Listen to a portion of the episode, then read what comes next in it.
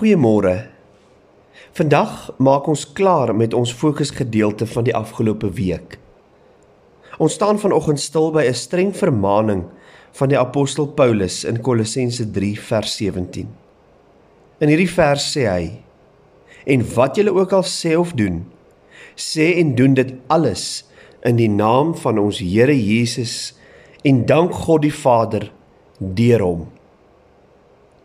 Die nuwe lewende vertaling stel dit so: Verder doen alles of dit nou met woorde of dade is in die naam van die Here Jesus.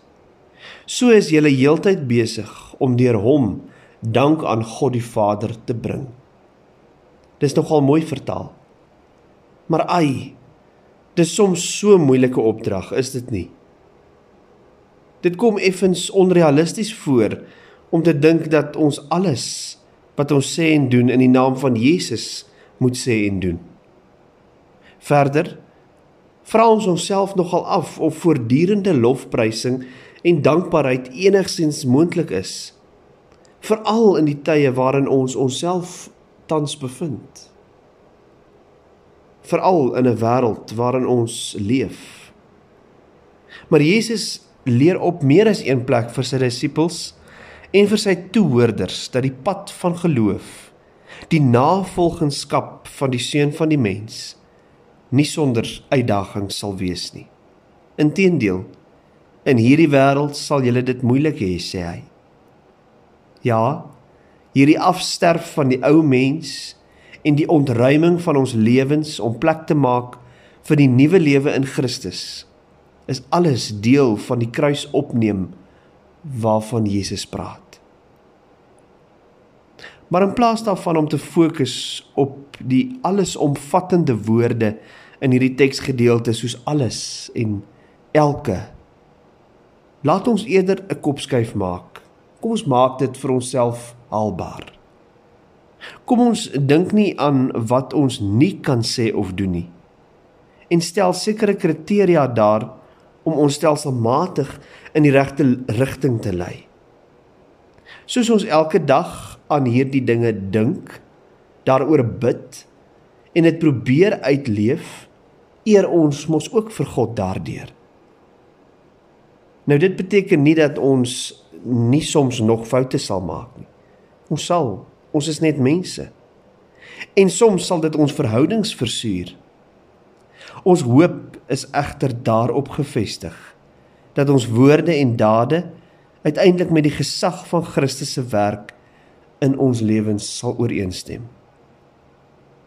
Ook dat ons sal begin om alles wat ons doen en sê in die naam van Jesus te doen en sê. Kom ons raak ons sla soos ons gister gehoor het van die rommel wat ons vir so lank gijslaar gehou het. Kom ons trek die kleed van deernis, vriendelikheid, geduld, sagmoedigheid, nederigheid, vergifnis en liefde aan. Kom ons raak ontslaaf van al die woede en die boosheid wat ons harte verweer. En laat ons dit vervang met die dinge wat God van ons verlang. Die dinge wat sin in ons lewe sal gee. Soos wat ons hierdie keuses maak, laat ons God vra om vir ons harte te gee wat vol dankbaarheid is vir alles wat hy vir ons doen. Mense wat met dankbaarheid lewe, het 'n onversadigbare vreugde en dit is aansteeklik vir almal met wie hulle in aanraking kom. Ek sluit af met die volgende oordeenking. Het jy altyd in gedagte gehou dat God vir jou goed is? Laat hierdie gedagte deel uitmaak van jou getuienis oor hom en wy elke oggend tyd aan God. Spandeer tyd saam met hom en vra hom om jou te wys hoe jy hierdie deugde daagliks in jou verhoudings kan uitleef. Kom ons bid saam.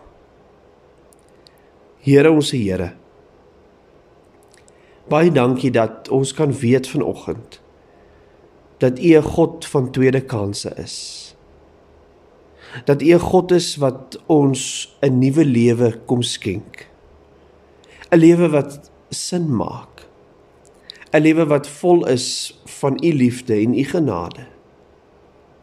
'n Lewe wat ons kan leef in dankbaarheid vir hierdie verlossing wat u vir ons bewerk het. 'n Lewe wat ons kan leef tot eer en verheerliking van u naam. Gaan saam met ons deur die res van hierdie dag. Behoed en bewaar ons. En dankie dat ons die voorreg het om U, ons Here en ons Redder, te mag ken. In Jesus naam alleen bid ons dit. Amen.